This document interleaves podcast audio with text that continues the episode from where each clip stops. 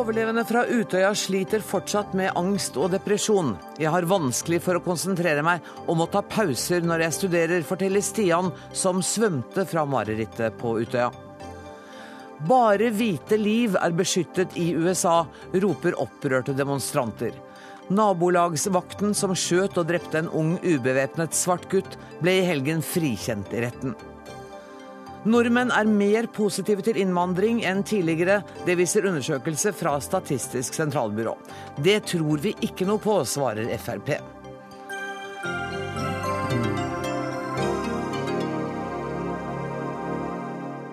Dette er noen av sakene i Dagsnytt 18 i kveld, hvor vi også skal snakke om dopingavsløringene som ryster sprintidretten. Usain Bolt er nå den eneste av verdens fem raskeste menn som ikke er tatt for doping. Men aller først. 40% av ungdommene som overlevde skytingen på Utøya, er fremdeles plaget av angst og depresjon, viser del to av Utøya-studien, som skal kartlegge opplevelser og reaksjoner hos de overlevende. Og Grete Dyb, barne- og ungdomspsykiater ved Nasjonalt kunnskapssenter om vold og traumatisk stress. Du er prosjektleder for denne studien, og hva viser den så langt? Den viser jo at eh, symptomnivået har gått noe ned, men at det fortsatt er et godt stykke igjen til disse overlevende, og for så vidt også foreldrene deres, er tilbake der de var før hendelsen. Er det overraskende for dere fagfolk at det tar tid? Ehm, vi har jo sett på andre studier, bl.a. fra skyteepisoder som vi syns kanskje ligner mest da, i andre land, bl.a. fra Finland. Og vi ser jo at De fant jo at det tok to til fem år før eh, de fleste var på plass igjen og, og var kvitt uh, symptomene sine. Hva er det de fleste sliter med?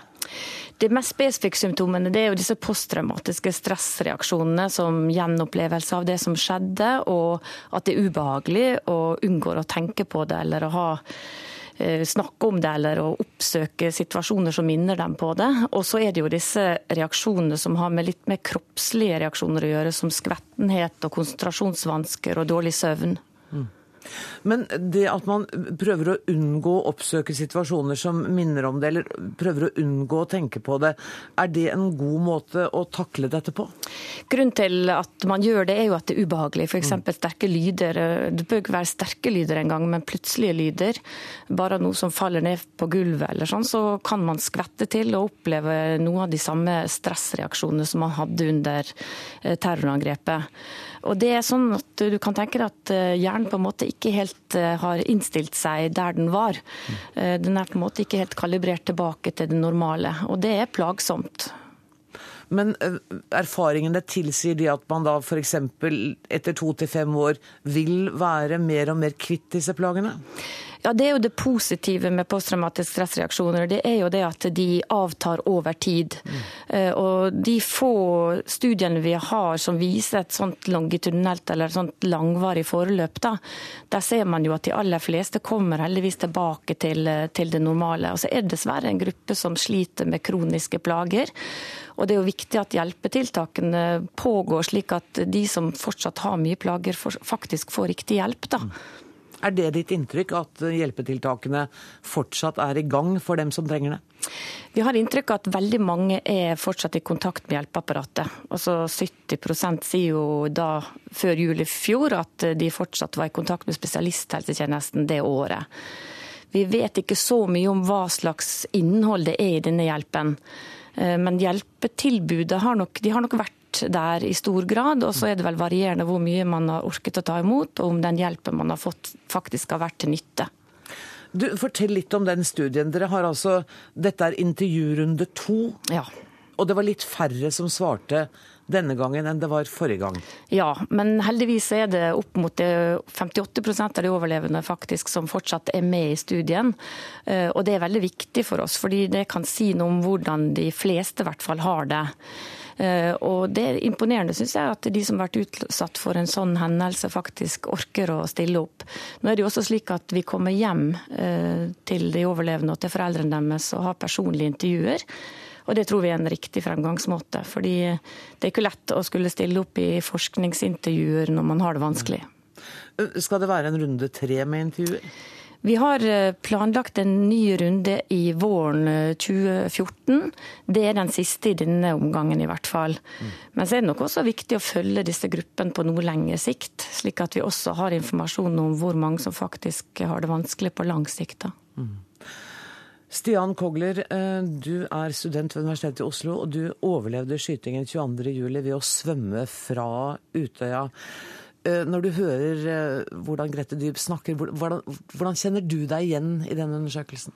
Jeg må si at jeg personlig kjenner meg utrolig godt igjen. Eh, også folk jeg har snakka med om mine egne opplevelser fra på en måte, gjengen som var på Utøya, er nok eh, veldig, veldig lik med det denne rapporten nå viser. Jeg tror at fire av ti fortsatt sliter, eller 40% Det er nok et veldig, veldig riktig tall. Har du fått god hjelp? Jeg vil absolutt si det. Jeg bodde jo i Tromsø kommune da, og eh, kommunen min har absolutt tatt eh, ansvar. Har eh, kommet på banen utrolig fort. Og absolutt alle som ville ha hjelp, har altså fått den hjelpa de trenger. Men har du fortsatt reaksjoner? Absolutt. Eh, altså bare ja, hva det var, Forrige torsdag så var jeg på ferie i Sogn og Fjordane og skulle bade fra en brygge. Eh, det hadde jeg ikke gjort siden 22. juli. Eh, Sykla ned dit. Eh, hadde sikkert litt høy puls, eh, som jeg kanskje også hadde på, eh, på Utøya. Eller mest mm. sannsynlig hadde på Utøya. Og eh, fikk et altså, skikkelig sånn panikk- eller angstanfall, kan man si, når jeg, når jeg kom ned dit og skulle bade. Hvordan arta det seg? Altså, jeg er jo på en måte ikke noen fagperson. Jeg hadde aldri opplevd noe lignende tidligere. Så jeg hadde jo ikke anelse om hvordan jeg skulle håndtere det. Eh, Hva skjedde med deg? Jeg fikk veldig høy puls. Eh, det var på en måte flashbacks. Altså jeg på en måte gjenopplevde glimt fra Utøya eh, fra 2011. Og, eh, og hadde på en måte dødsangst, kan man si. Selv om jeg liksom samtidig visste at det ikke er noen grunn til å ha det, fordi jeg er på en fredelig brygge i Sogn og Fjordane og har det fint og skal bare bade i litt for kaldt vann. Eh, men jeg vil jo tro at den reaksjonen kom fordi veldig mange av måte, de enkeltbitene av hendelsene var veldig like. Høy puls, kaldt vann, brygge av stein. Eh, som på en måte gjorde at jeg fikk denne reaksjonen. Merker du den, noe i, i det daglige med konsentrasjon, med arbeidsevne? Eh, jeg studerer jo, som du sa, på Universitetet i Oslo. og Spesielt i eksamenstida merker jeg veldig godt at jeg må ha pauser veldig hyppig. Eh, ofte. Eh, kanskje hvert 20. minutt må jeg ta meg en fem-ti minutter for å kunne fortsette å jobbe. Jeg detter veldig fort ut. Og det er veldig tungt for meg å se som på en måte Har jo 13-14 liksom år fartstid med, med, utdanning, så jeg har jo en, en viss pekepinne på hvor på en måte nivået mitt ligger, og hvor mye jeg kan jobbe. Eh, og da merker jeg fra 2011 på en måte at det ikke går lenger, er, er vanskelig. Mm. At man på en måte prøver å gjøre så godt man kan, og ellers kanskje i det daglige til vanlig føle seg sånn som man gjorde før. Men så fungerer denne jobbinga rett og slett ikke. Men kan jeg spørre deg om, Får du profesjonell hjelp nå? Akkurat nå gjør jeg ikke det, men jeg har tenkt å begynne igjen eh, nå. Eh, I og med at det har vært litt sånn enkeltepisoder. Jeg slutta i fjor sommer. Eh, og gått psykologen og flytta til Oslo for å begynne å studere. Eh, men har funnet ut at eh, jeg fortsatt har godt av å ta imot litt hjelp. Det er litt trøst i å høre Grete Dyb snakke om at de aller, aller fleste kommer tilbake, selv om det tar tid, er det ikke det? Absolutt. Jeg vil jo si at for min egen del òg, så merker jeg jo at det går jo bedre og bedre jo lenger tid det går. Og det ligger vel noe i det her med at tiden leger alle sår. Mm. Så jeg tror at eh, flere og flere blir å klare seg bedre og bedre. Og det er jo veldig fint. Statssekretær i Helse- og omsorgsdepartementet Kjell Erik Øie, hvordan reagerer du på de funnene og det du hører nå? Er dette omtrent sånn som dere trodde det ville bli? Jeg tror ingen på noe tidspunkt har gjort seg opp noen tanker om hvordan vi trodde det skulle bli, rett og slett fordi det var så ufattelig det som skjedde. Og det gjør jo kjempeinntrykk eh, også i dag eh, å høre Stian snakke om dette her. Og de av oss som ikke var der, vi, jeg tror vi aldri helt klarer, vil klare å ta inn over oss hva det har betydd, hva hva det innebar å være der på den grusomme dagen. Eh, og så tenker jeg jo at Denne undersøkelsen viser jo først to ting som vi fortsatt må holde fast ved. og Det er at det er fortsatt folk som sliter. og Det er kjempeviktig å holde fast ved det. At vi ikke nå lener oss tilbake og tenker at dette er over. Og så har han også noen tall, selv om de i den store sammenhengen ikke er så høye, av noen mennesker som sier at de ikke har fått god nok hjelp. Ja, Det har jeg også lest, og det er bekymringsfullt. Det er bekymringsfullt, og det er viktig at vi holder fast ved det. For selv om de aller fleste har fått god hjelp, og selv om de fleste nå viser bedring, så må vi også ta inn over oss og ikke være fornøyd så lenge det er noen som eh, ikke får hjelp eller god nok hjelp, eller opplever at de ikke får god nok hjelp. Det kan jo være de har fått hjelp, men kanskje ikke fått den hjelpen de sjøl mener de har hatt behov for. Og her er det jo ikke penger det står på, for det er vel satt av 50 millioner kroner til oppfølging av dem som ble berørt? Ja, jeg tror ikke det er et ressursspørsmål først og fremst. Men det kan være eh, flere ting. Det kan være at folk i utgangspunktet kvier seg for å ta kontakt selv, og så har kanskje kommunen ikke vært aktiv nok. Eller det kan være at det tilbudet de har fått, ikke har vært det tilbudet de eh, sjøl hadde ønska seg. Men her tror jeg det er viktig at vi nå lærer av denne rapporten at vi bruker de erfaringene som Stian og andre har, som har fått god hjelp, til også å bli bedre eh, i de situasjonene hvor vi ikke har lykkes helt. Ja, jeg jeg synes liksom det er et misforhold mellom at dere har satt av 50 millioner kroner, og så er det 1,8 millioner det er søkt om å få ta ut av dem. Og da tenker jeg, Det kan sikkert være mange grunner til det, men det kan jo også være at kommunene er for lite offensive i dette arbeidet? Kanskje er det det, men kanskje er det jo også et uttrykk for at kommunene nå har fått satt dette i system og bruker sine egne ressurser på en god måte. Eh, forhåpentligvis er hovedsvaret det. Jeg tror ikke dette først og fremst handler om penger. Jeg tror det handler om å få til et godt samarbeid med de som er ramma, enten det nå er de som har overlevd på Utøya eller pårørende. Og prøve å lytte til de hva de har behov for, og så prøve å lage et behandlingsopplegg i tråd med det. Stian, har det vært sånn, den hjelpen du har fått, har du kunnet fremme noen ønsker og si fra hvor mye, hvor ofte, hvor lenge du trengte? Jeg har gått til eh, psykologspesialist eh, på Universitetssykehuset i Nord-Norge. Og jeg føler at jeg har Den behandlinga jeg har fått, har veldig vært på mine premisser. Mm. Jeg har fått lov til å si hvor ofte vi kom dit, og i starten var det selvfølgelig mer. Og etter hvert så var det færre og færre gang, ettersom hva både psykologen min og jeg syntes var hensiktsmessig. Eh, og sånn tror jeg det har vært for de fleste. og så har også Helsedepartementet gjennomført noen sånne samlinger hvor vi på en måte har fått ja, litt input fra på en måte forskjellige. Og det er jo noen selvfølgelig som har gått til psykolog, og så har det ikke helt fungert, og så har de kvia seg for å bytte psykolog. Og det er jo på en måte mange sånne ting, og utrolig mange brikker som skal falle på plass mm. for at eh, man virkelig blir ferdig med de plagene. Eh, men det tror jeg vil ta lang tid. Men det vi, har, det vi, har, sagt flere ganger, er at vi tror det er viktig at helsetjenesten og jeg tror helsetjenesten i, i, hovedsak har gjort en glimrende jobb, og jeg tror venner og familie har gjort en kjempejobb. Men jeg tror det er viktig at helsetjenesten også ser at de har et ansvar i å være proaktive. For det er nok noen som ikke tar kontakt, selv om de burde ha gjort det. Så er det selvfølgelig en grense for hvor mye du kan presse hjelp på folk som ikke vil ha det. Men jeg tror nok at den grensa Jeg tror det er bedre å ringe en gang for mye enn en gang for lite, for å si det sånn. Med det er det oppfordringen sendt til kommunene. Tusen takk for at dere kom til Dagsnytt 18, Grete Dyb, Kjell Erik Øie og Stian Kogler.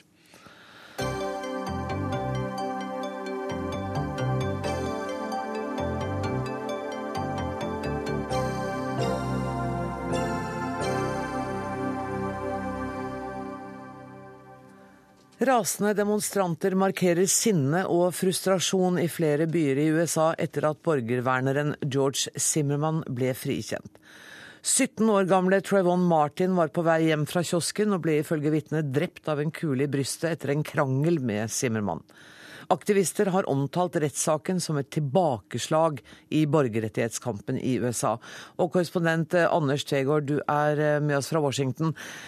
Saken har jo vakt stor oppmerksomhet, ikke bare i USA. Her hjemme ser vi bilder fra demonstrasjoner i flere byer. Hvordan har demonstrasjonene preget USA det siste døgnet? Nei, Det er samlinger i flere byer, og de starter gjerne rundt klokka 20 på, på, kvelden, da Trayvon Martin eh, ble drept. Det er stort sett fredelige protester med alt fra 50 til noen hundre deltakere. I Los Angeles klarte demonstranter å sperre av en av hovedveiene til Hollywood inntil politiet kom. I New York marsjerte eh, minst 1000 for å vise sin frustrasjon over rettssystemet. Men foreløpig så er sosiale medier den største møteplassen for rasende eller eh, skuffede borgerrettsaktivister. Og selv president Obama han ber folk bevare sinnsroen. Juryen har talt, sier han, og varsler dermed at han ikke vil presse på for å få f.eks. Justisdepartementet koblet inn. Nei, for det har det vært også uh, røster som har hevet seg og krevd at presidenten skal gripe inn. Ja, og nå sier Obama at juryen har talt. Justisdepartementet sier samtidig at de skal se på bevisene om Zimmermann kan ha brutt noen føderale lover. Men Justisdepartementet møter de samme utfordringene som, eh, som rettssaken i, i, Florida gjorde. Det å skulle bevise at Zimmermann bevisst gikk etter en, en tenåring med hettegenser eh, for å drepe ham pga. hudfarge. Men i Florida er det jo en spesiell, eh, kontroversiell lov som heter noe sånt som stand your ground, eh, som sier at en person som føler seg truet på livet eller er i fare for å bli alvorlig skadd, kan ta i bruk våpen for å forsvare seg. Ja, og det er vel rundt 20 eh, delstater som nå har en lignende lov, og den står eh, helt eh, sentralt. Spørsmålet som juryen skulle ta opp, var hva som gikk gjennom hodet til Zimmermann da han skjøt. Og i Florida, som du sier, så er, er denne omstridte loven som gjør at du kan skyte i selvforsvar. Juryen skulle ta stilling til om drapet var overlagt, og da måtte de finne det bevist at Zimmermann drepte Martin ut fra hat og likegyldighet overfor liv. Den andre tiltalen om uaktsomt drap som kunne gitt ham livstid, da måtte det bevises bevises at Zimmermann eh, med overlegg eller med, vilje skjøt for å, å, drepe. Juryen, det var seks kvinner, de valgte å frikjenne ham på alle punkter. Og rettsekspertene her de sier at um, aktoratet valgte for strenge tiltalepunkter ut fra kravene til bevis. Det var ingen som så drapet. Juryen hørte over 50 motstridende uh, forklaringer. Rase var ikke et tema i rettssaken. Hilde Restad, du er førsteamanuensis i freds- og konfliktstudier og blogger om amerikansk politikk. Er dette en, en rasedom? Nei, det er to forskjellige ting som foregår. Det ene er rettssaken, hvor eh, juryen har måttet ta eh, stand til veldig spesifikke ting, som man Anders snakka om. Eh, og ifølge Florida sine lover så har de, virker det som, kommet frem til rett dom. Og da er jo spørsmålet er loven i Florida korrekt, eller burde man endre den loven når den får et sånt resultat. Det andre er jo det som egentlig kanskje er den store saken. Den samtalen som foregår i media eh, og i private hjem og politisk i USA, fordi at det her har blitt en kjempestor sak som bare egentlig handler om rase. Det handler litt om våpenlovgivning, men det handler mest, mest egentlig om rase. Om rase. Ja. Forstår du at, eh, at aksjonistene mener at dette er et tilbakeslag i borgerrettighetskampen i USA? Ja, eh, absolutt. Ikke, eller hvis man vil være kynisk, eh, så kanskje ikke egentlig et tilbakeslag, men eh, som en journalist i The Atlantic skrev, det her er ikke en en feil med rettssikkerhetssystemet i USA. Det er ikke en miscarriage of justice. Det som har skjedd, er at man nå får se eh, hvordan det egentlig fungerer i USA. Det her er sånn som rettssystemet fungerer i USA. Det er ikke en feil, det er riktig. Hvis vi ikke liker det, så må vi endre systemet. Eh, og det, han, han, er sjøl svart, og det er jo veldig mange svarte journalister eh, i USA som har tatt til orde for at denne saken viser hvordan det er å være svart i USA. At rettssikkerheten er ikke det samme hvis du er svart og hvis du er hvit. Men er punktum satt, eller finnes det noen muligheter for sivilt søksmål eller andre ting nå? nå? Det er flere ting som kan skje. Familien kan velge å gå til sivilt søksmål. Og da er bevisbyrden eh, mindre. Eh, så da kan det jo, eh, En annen ting som kan skje i et sivilt søksmål, er jo at han, George Zimmerman, den tiltalte, må vitne. Han vitna jo ikke i denne rettssaken. Så det er også et insentiv for familien å få han til å eh, vitne i, i rettssaken og høre hva han har å si. Eh, og det andre som kan skje, er jo da selvfølgelig at det kan bli en føderalsak, at Justisdepartementet kan velge å gå til sak. De har allerede en eh, hva det heter Investigation. Kan ikke norsk lenger. Undersøkelse. Undersøkelse. De har gjort, de har gjort, blant annet så har de faktisk intervjua George Simmons sine kollegaer for å undersøke om han er rasistisk. Så det er en undersøkelse på gang. Men hvorfor har de ikke snakket med ham?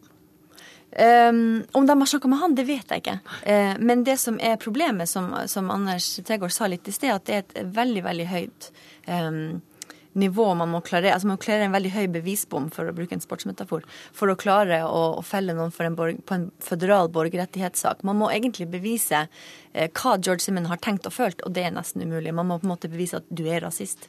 Og, og så har jo presidenten allerede sagt at Justisdepartementet kommer ikke til å blande seg inn i dette her, sånn at den veien er kanskje i og for seg allerede stengt. Med mindre de, de, de finner en god sak, og det er veldig vanskelig å finne en god sak. Eh, Anders, er du fortsatt med oss? Ja da. Tror du at punktum er satt med dette, eller hvordan, hvordan tolker du stemningen? Det kommer til å bli eh, sivile saker, og det kan også være at George Zimmermann velger å saksøke eh, familien. Han er jo en person nå som eh, må se seg over skulderen iallfall de, de nærmeste åra framover. Han går fortsatt i, i, skjul, vi vet ikke hvor han oppholder seg. Når han går ute, så er han i, i forkledning, eller han er, han, han er, kledd ut, og han går med skuddsikker vest. Dette her er en, en sak som har truffet en, en nerve her i USA, og det er vanskelig å forstå hvordan hvordan en som innrømmer å ha drept et annet menneske, kan gå fri. Og Hvorfor ble han ikke avhørt som vitne i saken? Det, uh, det, det, vet jeg ikke. Nei, vet du det, Hilde? Uh, jeg, tror det var, jeg tror det var en uh, taktikk av hans egen advokater. Eh, de brukte jo heller ikke stand your ground-loven som sitt forsvar. De brukte bare vanlig selvforsvar. Og det tror jeg var fordi at da kan de få en juryrettssak, fordi hans advokat sa at hvis han blir frikjent foran en jury, så vil det ha større legitimitet i den amerikanske befolkninga. Så det var en taktikk, tror jeg, hans forsvarsteam valgte. Men det, kan... det er helt vanlig her at man kan si at man ikke ønsker å, å forklare seg. Så da er det advokatene som, som eh, kjører det løpet. Ja, nettopp. Men, men, det vi også kan si da her, er at eh, da er ikke punktum sagt. Og det kommer til å bli sivile saker, hvis jeg tolker deg rett, Anders? Jeg vil anta at eh, det kommer til å gå den veien. Det her har skapt såpass sterke følelser eh, i, USA, og borgerrettsaktivistene de eh, ser rødt og kommer til å bruke dette for det, for det det er verdt, selv om Justisdepartementet kanskje skulle velge å henlegge en, en føderalsak. Tusen takk til Anders Tvegård. Takk også til Hilde Restad.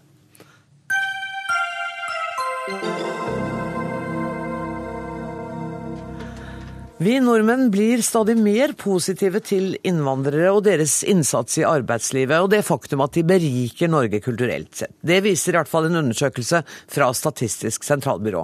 Mens dere i Fremskrittspartiet har liten tro på resultatene av denne undersøkelsen. Nestleder i Frp Per Sandberg, hvorfor det?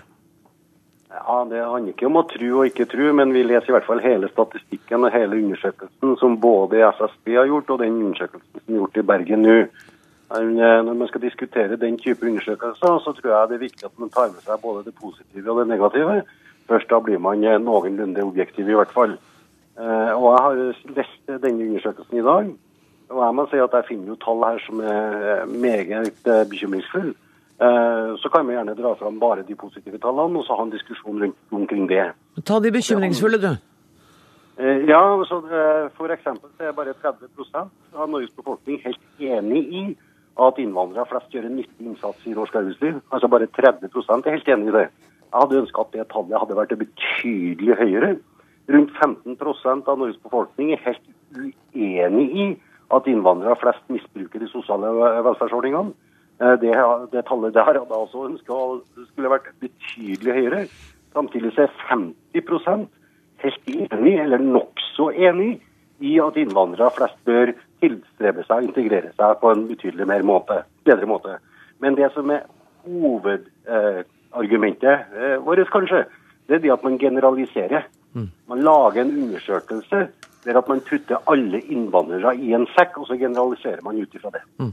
Men, men, er ikke noe av poenget her at det faktum som har blitt understreket, at eh, holdningene våre har endret seg? Altså det er mer positivitet. Selv om det ikke er 100 så er den økt? Ja, men det er differensiert. Jeg har nettopp sittet og lest 2012-tallene eh, for eh, netto utflytting og innflytting til Oslo. Og Da viser det seg at eh, man har altså en økning fra 2011 til 2012 på utflytting av, av mennesker med norsk bakgrunn mm. fra områder og bydeler der innvandrere bor.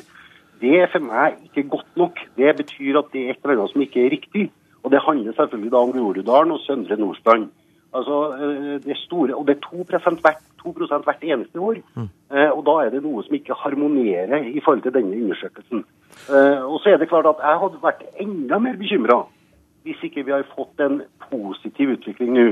For det som har skjedd de siste 5, 6, 7, 80 år, det er det at vi har tatt imot titusenvis av arbeidsinnvandrere fra Norden og fra Europa for øvrig, innenfor bygg- og anleggsbransjen, servicebransjen, som har gjort en betydelig innsats i norsk arbeidsliv.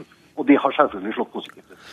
Leder i Sosialistisk Venstreparti, Audun Lysbakken. Eh, du har lest denne undersøkelsen på en helt annen måte, og, og legger kanskje et litt rosenrødt skjær over den?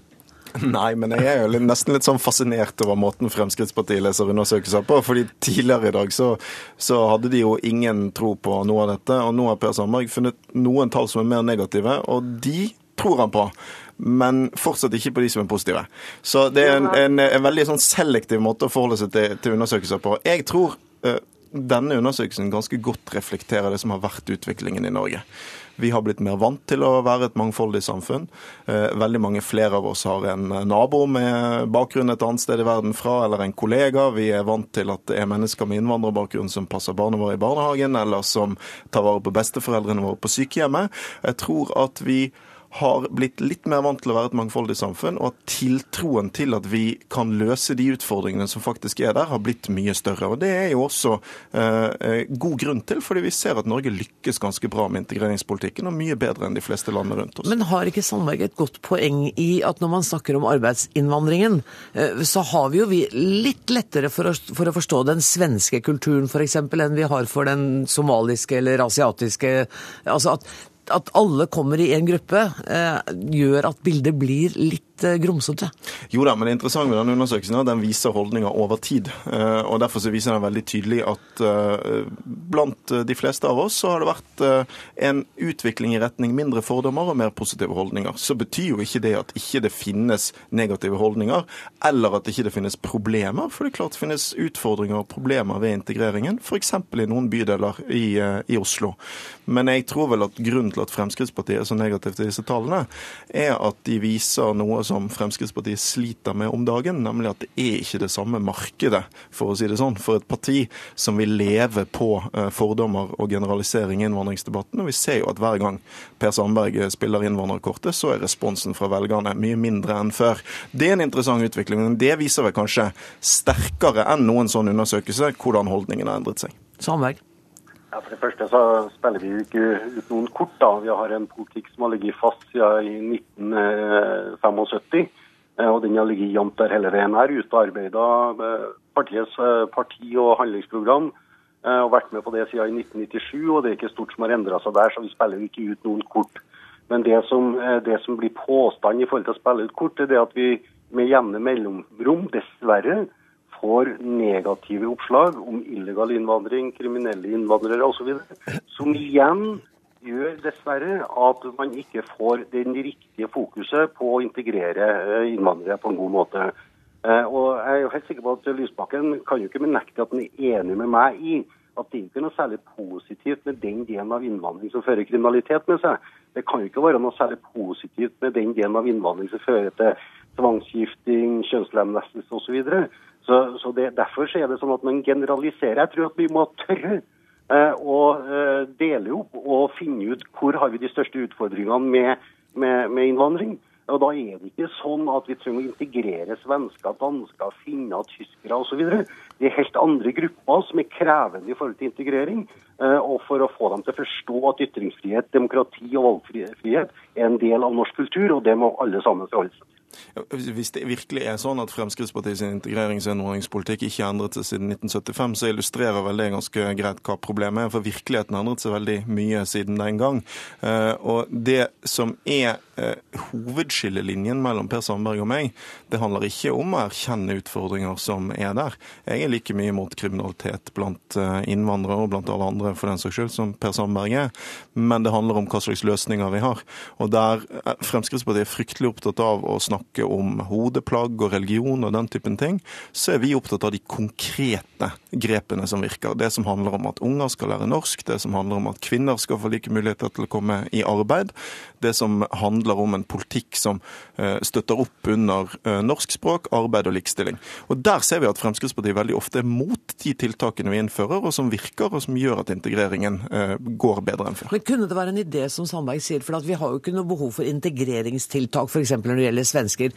Burde, burde man ha delt opp denne undersøkelsen i mer tydelige grupper? Altså, dette er en undersøkelse som har vært over tid, og det er jo ikke så veldig rart at Statistisk sentralbyrå spør om holdninger til innvandrere. fordi at Fremskrittspartiet har jo i, hvert fall i 25 år snakket om innvandrere som gruppe, og snakket negativt om innvandrere som gruppe. Så er det noen som har generalisert, så er det Fremskrittspartiet.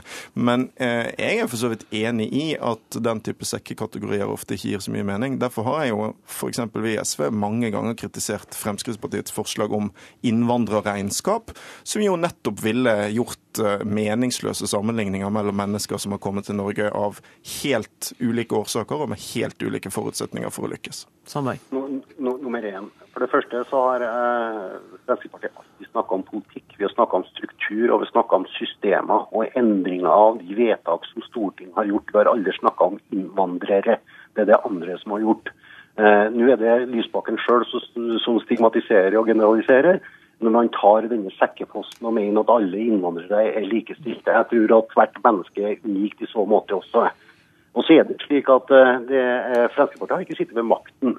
Så vår innvandringspolitikk har selvfølgelig ikke fått noe særlig gjennomslag, for, foruten da på noen enkelte områder der at Arbeiderpartiet har fulgt oss opp, og Stortinget har fulgt oss opp. Men så er det altså slik at i dag så foreligger det et innvandrerregnskap. Ikke på bestilling fra Fremskrittspartiet, men Statistisk sentralbyrå har gjort det. Og det eh, tallmaterialet forteller oss hvis vi viderefører de siste fem års innvandring- og integreringspolitikk, så vil den norske stat tape mellom 40 og 50 milliarder i året. Og det er resultatet av en innvandring- og integreringspolitikk som har vart i 15-20 år, og som ikke er bærekraftig på tid. Men, men, dette viser nettopp hvor meningsløs den debatten er. fordi at nå er det jo du sjøl som prøver å uh, lage et regnestykke for hva all innvandring liksom koster Norge. Der det ikke Nei, spiller noen rolle om du er en arbeidsinnvandrer eller en uh, flyktning. Jo, men det er dere, Per Sandberg, som har gjort et stort nummer ut av dette. Nå har Statistisk sentralbyrå riktignok uh, sagt at de ikke er spesielt fornøyd med måten dere bruker tallene på, men uh, det er jo bare ett av utallige eksempler på at Fremskrittspartiet Fremskrittspartiet har snakket om innvandrere som gruppe, og er det partiet som i årevis har prøvd å bidra til at disse tallene som vi nå har fått sett for holdninger blant folk, eh, skulle gå i motsatt retning. Heldigvis så har det ikke virket. Det er andre gangen du lyver i debatt med meg i dag.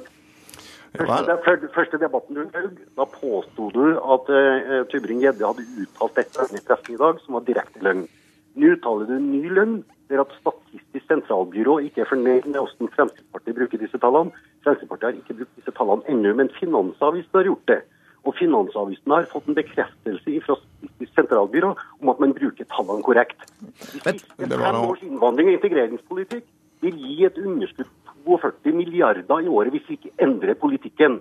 Og så du da legger opp til en ansvarlig økonomisk politikk i den regjeringa du sitter i nå, for da har du kort tid igjen. Siden vi verken har SSB eller Finansavisen her, og denne programlederen ikke har sett på de tallene, så tror jeg vi dropper den delen av debatten. Men jeg sier tusen takk for at dere deltok i dag, Per Sandberg og Audun Lysbakken.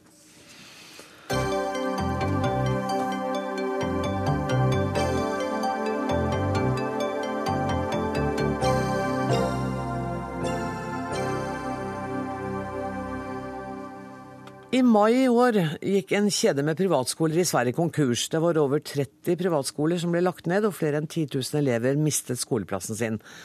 Det samme kan umulig skje i Norge hvis vi kommer til makten, mener Høyre og Torbjørn Røe Isaksen, stortingspolitiker fra nettopp Høyre. Hvorfor kan ikke det samme skje hvis dere kommer til makta? Dere står jo omtrent for den samme skolepolitikken som konservative Sverige-styrte. Det er en veldig viktig forskjell. Eh, Sverige har hatt sin friskolelov i 20 år. Den har i og for seg aldri blitt forsøkt reversert, heller ikke av sosialdemokratene. Men der er det også åpning for kommersielle friskoler, altså at man kan tjene penger på å drive skole. Det har Høyre sagt klart og tydelig nei til. Det var vi heller ikke for sist vi satt i regjering.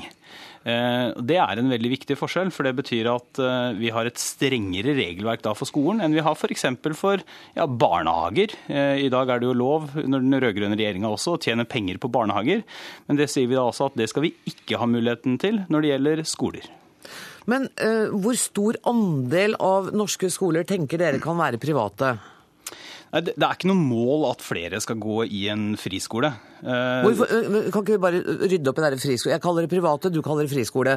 Ja, og så vidt jeg vet, så, er det sånn, så er det sånn at etter at loven om private skoler med rett til statstilskudd ble vedtatt, så bruker vi ikke begrepet friskoler, for det er nå inne i den loven, så nå er alt privatskoler. Ja, Litt av problemet med det bare, grunnen til at jeg bruker det, er for å skille f.eks. en skole som i, i, Oslo så er det en skole som heter Bjørknes privatgymnas. De ja. driver helt uten offentlig støtte, kan ta ut uh, profitt og overskudd så mye de vil, og kan ta akkurat så mye de ønsker også for elevene som går der. Det er en helt privat skole. Men så er det da noen andre skoler som får offentlig tilskudd, 80% av det det koster å ha elevene der, for å si det litt enkelt, og som også er underlagt veldig strenge offentlige krav. Det er det jeg kaller friskoler. Så det er rett og slett for å skille mellom de da helt private skolene som de rød-grønne også veldig har. Med, ja, som er veldig få av, og som også eksisterer i dag. Ja. Og det som vi ønsker, som er en offentlig støtte av skole, rett og slett fordi at eh, det er viktig at de friskolene, eller da privatskolene, hvis man skal kalle det det som er der, ikke bare blir for de som har en tjukk lommebok. Og Derfor burde vi støtte dem også med penger, sånn at alle har en reell mulighet til å kunne gå der. Av hensyn til en svært begrenset programleder, så kaller vi det privatskoler heretter. Annike Huitfeldt, arbeidsminister fra Arbeiderpartiet. Du etterlyser at Høyre er åpne om hvor mye de vil privatisere. Nå sier jo Torbjørn Røe Isaksen at det er ikke et hovedpoeng for dem at så mange som mulig skal gå på privatskoler. Nei, Nå vil de jo gjeninnføre den gamle loven som Kristin Clemet gikk i bresjen for. Det førte til en godkjenningsøkning på 150% enkelte fylker 20% på videregående skole. Det er en massiv privatisering. Og det som skremmer meg ved det, det er jo at vi har sett fra Sverige at det har gått inflasjon en del skoler som er private og setter gode karakterer fordi man vil tiltrekke seg elever. Og så har samtidig nivået i svensk skole gått ned. Så det er i hvert fall ikke noe som bidrar til kvalitetsøkning innenfor skolen. Og vi har sett i norsk skole at der har nivået gått opp de siste årene, fordi vi har satsa på fellesskolen. Og så syns jeg også Torbjørn Røe Isaksen er veldig naiv når det gjelder sånne private aktører. Fordi det var jo veldig få sånne idealister som søkte den gangen vi hadde en langt mer liberal friskolelov. Det var stort sett eh, de som er på det svenske privatskolemarkedet, som er eid av multinasjonale selskaper. Og de, de finner veier å tjene penger. Og to av de skolene som ble godkjent under Høyre forrige gang, de måtte tilbakebetale ganske mye, fordi de hadde ikke brukt penger på elevene, men brukt det til å ta ut utbytte. Så han sier at han er mot kommersialisering, men det som var konsekvensen av den privatskolepolitikken som Høyre vil gjeninnføre, det er kommersialisering. Ljuger han da, eller? Nei, vi er jo uenige. og jo, derfor så var det jo slik... Sier at han sier han ikke vil kommersialisere, men det er det han vil. Ja, da ljuger han. Han ljuger ikke. Men de aktørene som søkte om å drive privatskole i Norge, de fant andre veier ut. Og da, var, men... ikke, da hjelper det ikke å ha gode hensikter. Okay. Men dette var folk som tok utbytte på andre måter. Mm. Og det viser seg i realiteten at de som søkte, var de som ville tjene penger. Og Derfor så var det sånn at vi lagde en privatskolelov sammen med Kristelig Folkeparti for å sikre noen pedagogiske alternativer, som Montessori, som Steinerskolen, som noen noen kristne private skoler. Så det må ligge i bånn. Mm. At du må ha en idé. At ikke ideen din er mest mulig penger. Ja, det, det, er jeg helt enig i. Og det er derfor eh, vi skal ha et forbud mot profitt. som er, eh, altså Det jeg stusser litt over, det er at de reglene som vi innførte om forbud mot utbytte, det er akkurat de samme reglene som gjelder i dag. De rød-grønne partiene har ikke endret ett eneste komma Riktig. i den loven. Og så er det da grunnen til at to skoler måtte betale tilbake penger. Det var fordi de brøyt loven.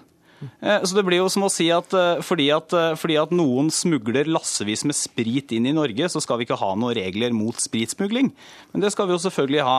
Så kan vi ikke garantere at noen ikke forsøker å bryte loven, men det vi kan gjøre er det som den rød-grønne regjeringa har gjort nå, og som er helt riktig, nemlig sørge for at de da blir tatt, og at de må betale tilbake og gjøre opp for seg. Men vet du hva, det... Jeg blir litt forvirra, for jeg skjønner ikke sånn som, sånn som den loven om privatskoler nå er. Mm. Så, er, så kan man jo drive skoler etter religiøs grunnlag. Anerkjenne anerkjente pedagogiske retninger mm. internasjonalt, særskilt tilrettelagte videregående opplæring i kombinasjon med mm. toppidrett, ja. grunnskoleopplæring i utlandet altså, mm. ja, hva, det, hva, er det som ikke bra, er bra nok? Det, det, har jo faktisk, det har jo, Bare før jeg svarer på spørsmålet ditt, så må ja. jeg bare si at det har jo faktisk vært en liberalisering av friskoleloven sammenligna med det som var før vi kom inn i regjeringa i 2001. For da var det jo bare tillatt med religiøse og pedagogiske alternativer, så å si. Mens nå er det også f.eks. tillatt med f.eks. toppidrettsgymnas, som vi har et kjempebra av et av her i, her i mitt hjemfylke Telemark. Men forskjellen, for å si det veldig enkelt, det er at eh, vi mener at eh, det er ikke formålet med skolen som skal avgjøre om du får lov til å starte eller ikke. Det er rett og slett kvaliteten og innholdet. Og I dag så er loven eh, så, så nevner den en rekke sånn kriterier som du skal ha oppfylt, f.eks. at du da er en kristen skole. Mens vi mener at hvis det er en gruppe som har lyst til å starte f.eks. En, ja, en rørleggerskole eller en snekkerskole eller et mattegymnas f.eks., som noen har, har tenkt på og forsøkt å få i gang, så burde de også få muligheten til det så lenge tilbudet er godt nok.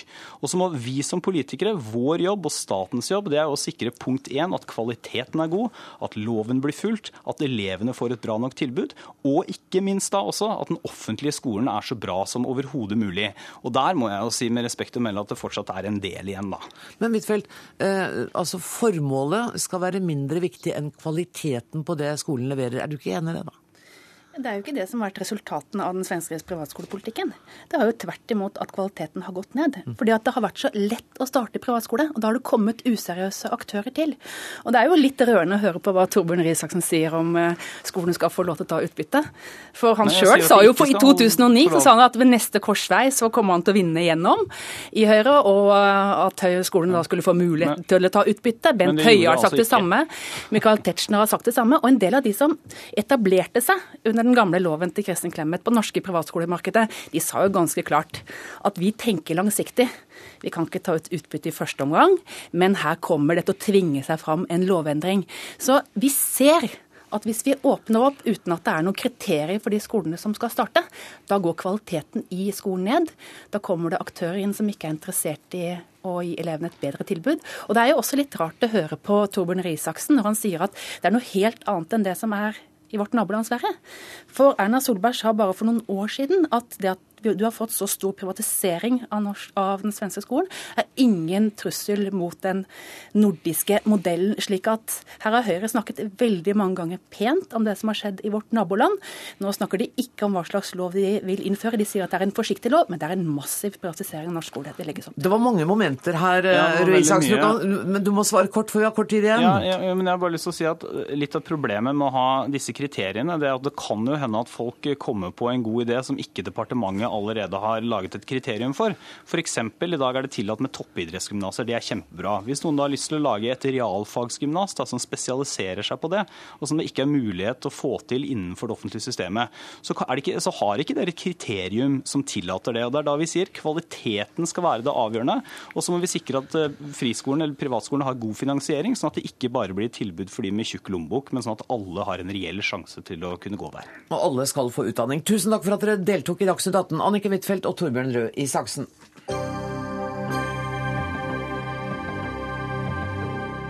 Og vi skal skifte tema igjen, men det skal fortsatt dreie seg om politikk. Kan 30 illsinte radikalere med skilt og bannere komme til å endre samfunnet i morgen? Nei, definitivt ikke, skriver du Rasmus Rasmussen, fylkestingsrepresentant for Hordaland Arbeiderparti. Engasjerte mennesker bør heller melde seg inn i et parti med innflytelse, enn å kaste bort tida på slagord og demonstrasjonstog. Hva er det som er så gærent på å demonstrere? Nei, altså I seg sjøl er det jo ingenting gale med å demonstrere, men jeg tror at man vil oppnå veldig mye mer dersom man deltar i de politiske prosessene heller enn å kun demonstrere mot dem. Ja, og da skriver, Du skriver også at da er det bedre å skrive en kronikk eller å melde seg inn i et eh, parti. Og du påstår også at disse folkelige bevegelsene som demonstrasjoner er, de fører ikke til noen ting. Nei, altså jeg har ikke snakket om folkelige bevegelser. Jeg har snakket om Demonstrasjoner er vel det? Ja, altså Demonstrasjoner kan være det, men når Tjen-folket eller RKU står 30 eh, stykker og demonstrerer mot vikarbyrådirektivet, så syns jeg ikke det er spesielt folkelig, altså. Men det er en måte å gi uttrykk for et altså en demokratisk måte å uttrykke et synspunkt på, som du da åpenbart syns er bortkasta tid? Ja, altså Hvis målet er å oppnå noe, hvis man ønsker å være med på å bidra og endre samfunnet, så tror jeg at det er mye mye mer nyttig å delta i de politiske prosessene enn å demonstrere mot dem. Altså. Jo Skardrud, medlem for bystyret for Rødt i Trondheim. Hva er din reaksjon på kronikken? Nei, altså nesten, nesten litt vantro, men, eh, men, eh, ikke helt. Eh, altså det nytter jo helt åpenbart eh, å demonstrere. Hvis ikke så tror jeg jeg kan love at vi hadde slutta med det for ganske lenge siden. Eh, og Rasmussen, han, altså, I denne kronikken sin så gjør han jo, for å vise hvor tåpelig det er å demonstrere, så gjør han narr av venstreradikal ungdom som demonstrerer mot EU-direktiver og mot uh, krigen i Irak.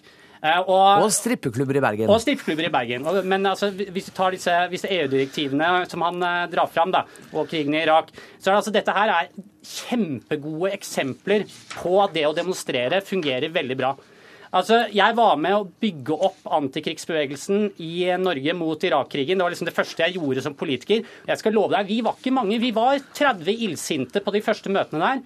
Og over tid så klarte vi å bygge opp en kjempesvær bevegelse som holdt Norge utafor Irak-krigen. Og vi var del av en global bevegelse som altså jeg tror har endra USA sin utenrikspolitikk eh, for de neste 50 åra. Når det kommer til disse EU-direktivene, så er det jo altså sånn at EU-motstanden i Norge har aldri vært så høy. Og jeg tror det er et resultat av at nei-sida i Norge har jobba og jobba og jobba. Nå var det spesielt dette vikarbyrådirektivet som, eh, som Rasmussen latterliggjorde at vi demonstrerte mot. da. Og Det er også da et direktiv hvor vi klarte å få et så stor trøkk at to av regjeringspartiene nekta å være med Arbeiderpartiet på å vedta det. Og Arbeiderpartiet måtte faktisk gå til Høyre for å få støtte til det direktivet. Og jeg mener at Vi ser disse, disse altså demonstrasjonene, folkeaksjonene, de preger, de preger eh, agendaen over hele linja. Altså Vi har lokale eh, sykehusaksjoner, folkeaksjoner for Lofoten, Vesterålen og Senja. Vi ser det popper opp asylaksjoner, Jalda-saken, Natan-saken over hele landet. Altså Disse sakene setter agendaen i veldig stor grad, og, veldig, og det er veldig, veldig bra. Vi skal være veldig glad for det. Fordi politikk det er litt for viktig til å overlates bare til politikerne.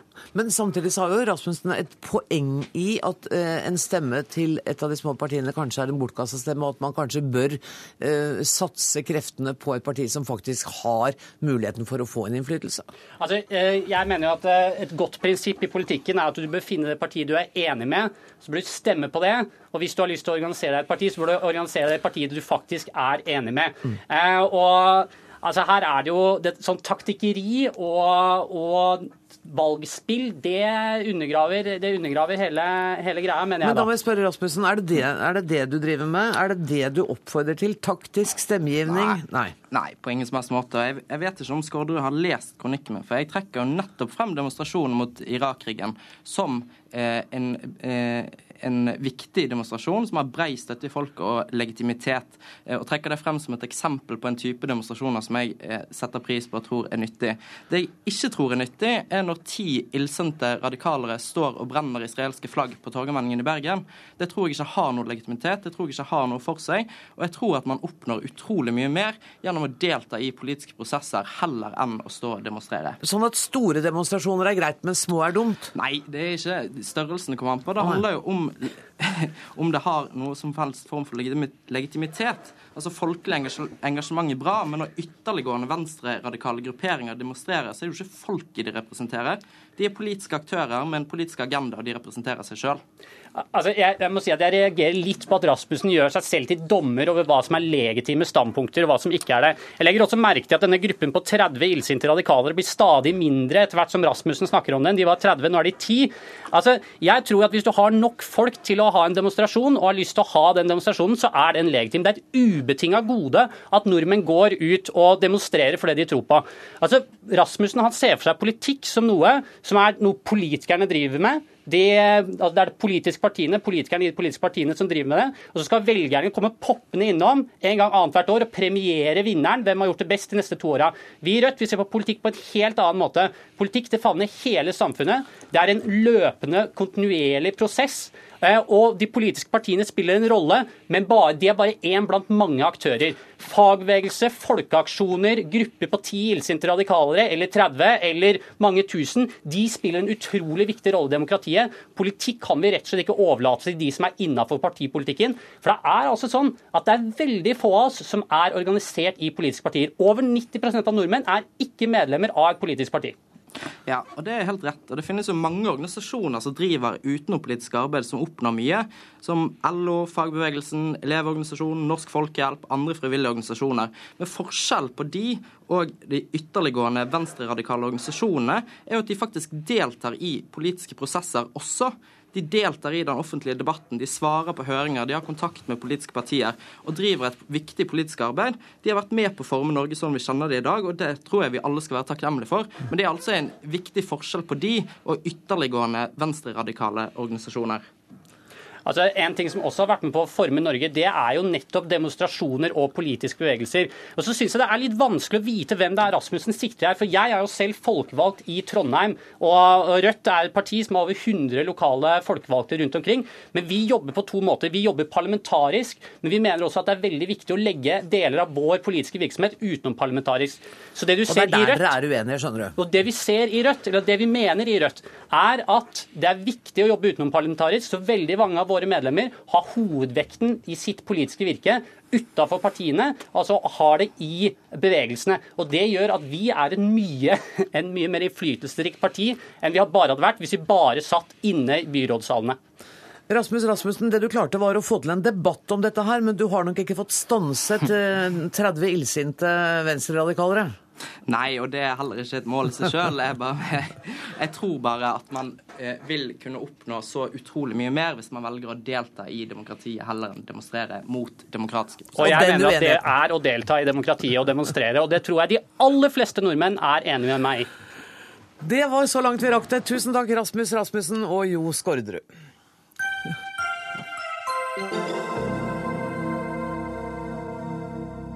Toppsprinterne Tyson Gay og Asafa Powell innrømmet i går å ha testet positivt for doping. Når fire av verdens fem raskeste menn har vært sentrum for dopingskandaler, kan situasjonen også komme til å få følger for den eneste som ikke har testet positivt, nemlig Usain Bolt. Friidretten blir uinteressant hvis han blir for suveren, mener du, Reidar Solli, sportssjef i Dagsavisen. Hva mener du med det? Ja, det har vel ikke helt direkte ment, da. Jeg har bare sagt at nå er det ikke så mye konkurrenter igjen for han. Nei, og da blir det litt kjedelig. Ja, det som blir fascinerende nå, er å følge hvordan han takler eh, alt dette styret rundt seg, og omgivelsene som da snakker doping hele tiden. Og om han da gjør som han har gjort til nå, viser på banen hva han er god for, og opptrer på en måte som gjør at vi kan stole på han fortsatt. Og det gjør Selv om vi ser at jamaicanske landslaget dem ut, utsettes nå for større og større belastning og større og større ryktespredning ettersom flere tas. Stoler du på Bolt? Jeg stoler på den inntil han blir, eh, måtte bli tatt, fordi eh, han har såpass spesielle fysiske forutsetninger som gjør han helt spesiell. Mm. Og det er jo blitt spurt flere ganger hva som er grunnen til at han klarer seg så godt. Og treneren hans har vel bl.a. Eh, referert til mye spising av søtpoteter? Ja, den ikke jeg ta veldig alvorlig. Jeg tror ikke det har vært direkte avgjørende. Da ville ringerikspoteten ligget godt an, antagelig. Men eh, jeg tror det er helt andre fysiske forutsetninger som ligger bak. Eh, Det er innenfor idretten og blant dere fagfolk eh, som er kommentatorer og sportsjournalister, et veldig raseri over dette doping, dopingavsløringene. Og det har det vært når det gjelder sykkelsporten også. Men så viser det seg at vi folk flest, vi sitter jo og følger med på Tour de France mer enn noen gang. Ja, og det er et stort paradoks og veldig interessant. Og jeg er redd for at vi er i ferd med å bli immune i forhold til alle dopingsaker som kommer opp. Eh, nå skal vi ikke glemme at det, er doping eh, hver uke hele året. Det ble tatt 113 foran OL i London i fjor. Men det, det meste bare fyker forbi i små notiser og no- noe vi bare så vidt hører. Og så er det de store fiskene som vi bryr oss litt om. Men sånn er det jo i nesten alle nyhetssaker, uansett Ja. hva det måtte dreie seg om. Men er det deprimerende da, at, at øh, jeg og det norske folk har så dårlig moral at vi sitter her og ser på Tour de France? Vi og syns det er moro å følge med? Jeg syns det er overraskende. Jeg må innrømme at jeg personlig er mindre engasjert i sykkel nå enn jeg var for eh, 15 år siden. President i Norges friidrettsforbund, Svein Arne Hansen, ser du på Tour de France? Eh, Veldig lite, men gjerne når jeg har tid å få med meg innspurtene. Jeg syns det er spennende å få ja, akkurat. Så du er i grunnen i takt med det norske folk ellers, det er du altså? Jeg håper det. Eh, Men kan vi stole på Nå er det to toppidrettssprintere som er tatt. Kan vi stole på resten, da? Kan vi stole på Usain Bolt? Jeg er enig med Reidar her at eh, han har vist siden han var 15 år helt utrolig talent. og har løpt på tider fra han var 15 år. Og han har en fysikk som eh, er veldig spesiell. Han er stor, og han er rask, og jeg, jeg tror han er ren. Hvordan påvirkes det norske toppidrettsmiljøet av disse avsløringene? De påvirkes, i hvert fall i friidretten, ikke så mye Ikke? av det. Det gjør ikke det. For at vi har en helt annen kultur, vi har en annen moral, vi har et annet ansvar. Eh, Her, her i Norge er det jo det er jo nesten verre enn dødsstraff, det å bli tatt eh, og hatt dopingdom på deg. Det er, da er du, da du bannlyst for resten av livet. Og jeg tror også det antidopingarbeidet vi gjør, er mye bedre enn veldig mange andre land i verden. Og da spesielt sånn som vi har hatt antidopingarbeid i en rekke år, mens Jamaica begynte først i år med et uavhengig byrå. Men her har vi jo også internasjonale idrettsorganisasjoner. IOC, hvorfor er ikke de mer aktive? Og de har fått mye kritikk for det antidopingarbeidet de har gjort eller ikke gjort. Ja, der, Det kan jeg være helt enig i. at De Ja. kunne gjort mye mer. Og vi skal også nå ha en kongress i Moskva om et par-tre uker. og Jeg kommer til å ta opp det spørsmålet der. Men friidrett, jeg tror Det internasjonale friidrettsforbundet har ligget langt eh, fremme her, men ikke gjort nok. Vi har ligget langt fremme. Åssen da? I antall tester og Ja. der, men nå må vi begynne med det som skjer nå. er at det- de har, de har begynt med eh, out of competition, altså ikke konkurransetester, for det er jo bare idiotene som blir tatt i konkurranser. Nettopp. Så, så Men nå, det har jo dere visst, og så skal dere begynne med Nei, men det- auto-competition-tester nå? Nei, det, det, men det, er, det er ikke Norges Frihetsforbund som styrer de testene. Vi har jo et uavhengig byrå i Norge, og vi gir våre innspill til eh, vårt idrettsforbund og til Antidoping Norge. Solli? Jeg, jeg tror at kjernen ligger at vi må få inn strengere straffer. Altså, Livstidsdom høres alvorlig ut når det gjelder fengsel, men, Ja. men å, å la være å, å nekte noen å, å konkurrere, er ikke å ta fra dem, ta fra dem friheten. Men mener du at, at man kan innføre det? At du er utestengt for livstid? Ja, på alvorlige dopingsaker så syns jeg det er det eneste riktige. Og det er jo flere også organisasjoner som jobber for, bl.a. Norge og, og IOC. Og Men da fratar du dem muligheten til å vise at de kan oppnå gode resultater når de er reine òg, da. Ja, det hjelper ikke, for de har da vært med og lurt alle sine omgivelser. De har jukset i mesterskap, og det syns jeg det er greit å vise nærmest nulltoleranse overfor. Ja, jeg fremmet dette forslaget, som Reidar vet, allerede i 2003. Det er ingen som hører på det. Vel Det er ti år siden, det. Nei, Problemet er at de, de ble jo tatt til domstolen i Tyskland, og der tapte de, for det var altså berufsverbot. Mm. Men stjeler du penger i en bank, så får du ikke jobb i bank mer. Altså, så jeg er helt enig med Reidar. De skal ut, og de skal være vekk for resten av livet. Men er det sånn at dere noen ganger har lyst til å liksom bare slå hendene i været og si at vi, vi klarer ikke å bekjempe dette her, da får heller, får heller dope seg, og så får de konkurrere dopa? Vi går jo på sirkus. Eh, Vi vet ikke om sirkusartister er dopa eller ikke. Vi lar oss fascinere, men det settes ikke rekorder. Men idretten er i en særstilling. Det handler om holdninger, om oppdragelse. Og hvis vi åpner for doping, så taper vi også kampen om eh, det lille håpet vi har igjen, om at det også har en oppdragende effekt. Men det virker jo som det er uhyre langt fram da, til vi kan sitte der og se på alle disse toppidrettsutøverne og vite at de er reine. Jeg tror aldri vi kommer dit. Dessverre. Det var da utrolig deprimerende, tror du? Nei, jeg er enig med deg at det er vanskelig å komme dit, men vi kan ikke stå frem som en idrett som åpner for doping. Vi kan ikke ha en idrett hvor vi ikke kan be foreldre sende sine barn. Vi må ha tillit til at de blir tatt godt imot og ikke kommer inn på sånne ting som doping i vår idrett. Men det jo, dette her er jo ikke bare snakk om prestasjoner og underholdning, det er jo snakk om store pengesummer også. Kan det ligge noe der som gjør at det blir lettere å bli frista til det? Ja, det er helt klart. Det er, her har vi skruppelløse managere som får sine utøvere med på diverse ting, helt sikkert for å tjene penger. Og jeg syns at eh, vi skal ta fra de pengene. Det er jo helt klart. Det er jo, det er, og vi skal ikke la de delta, vi skal ta fra de de pengene de har tjent. Derfor er det også viktig at jeg tror at kampen må, må settes hardere inn mot bakmennene her. Altså både trenere, managere og ikke minst legene og, og le, legevitenskapen. Eh, Medisinske miljøet som altså går med på å tilrettelegge for, for doping her. Eh, Færreste utøvere klarer å dope seg uten å ha medisinsk personell rundt seg. Og det, de fagmiljøene må også ta noen eh, sterke interne runder. Men de fagmiljøene har vel også kommersielle interesser av det? Det må jo være noe penger som Selvfølgelig er det det. Ja. Ja, da. Så dette, dette henger jo sammen. Men hvordan skal det gjøres, da? Det er jo ikke gjort liksom Nei, dette er Da er vi over i kriminell virksomhet. Og da må jo da Det må etterforske, etterforskes av politi og myndigheter som, har- som har eh, kunnskaper på sånt. Men det slår meg når jeg snakker med det, det er jo ikke første gang vi snakker om dette i Dagsnytt 18, at det organisasjonene, byråkratiet i idretten, jobber for langsomt og for ineffektivt med disse problemene.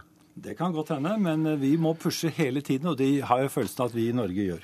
Vet du hva, Da har vi pusha langt nok i denne sendinga av Dagsnytt 18. Jeg sier tusen takk til Reidar Solli og til eh, Svein Arne Hansen. Det er helt sikkert ikke siste gang vi snakker om dette problemet heller.